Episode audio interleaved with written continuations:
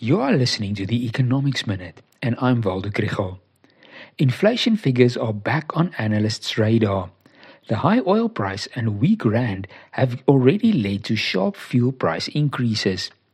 Next Wednesday, August's consumer price inflation figure will be announced together with the Monetary Policy Committee meeting on Wednesday and Thursday. The third quarter's inflation expectations figure was announced yesterday. This episode is supported by the NWU Business School. Because the Reserve Bank tries to manage the inflation rate over an 18 to 24 month horizon, inflation expectations are quite important.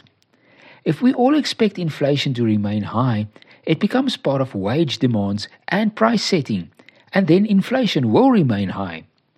The good news is that the survey by the Bureau of Economic Research shows that the inflation expectations are declining as inflation rate have declined over the last few months.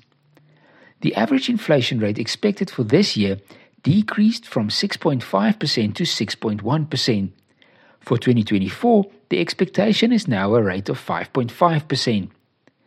This may not be enough for the Reserve Bank to start cutting the repo rate but it increases the chance that they can leave it unchanged despite recent fuel price inflation. What happens in the US also plays a role. Their inflation figures are released this Wednesday, and the Fed also meets next week.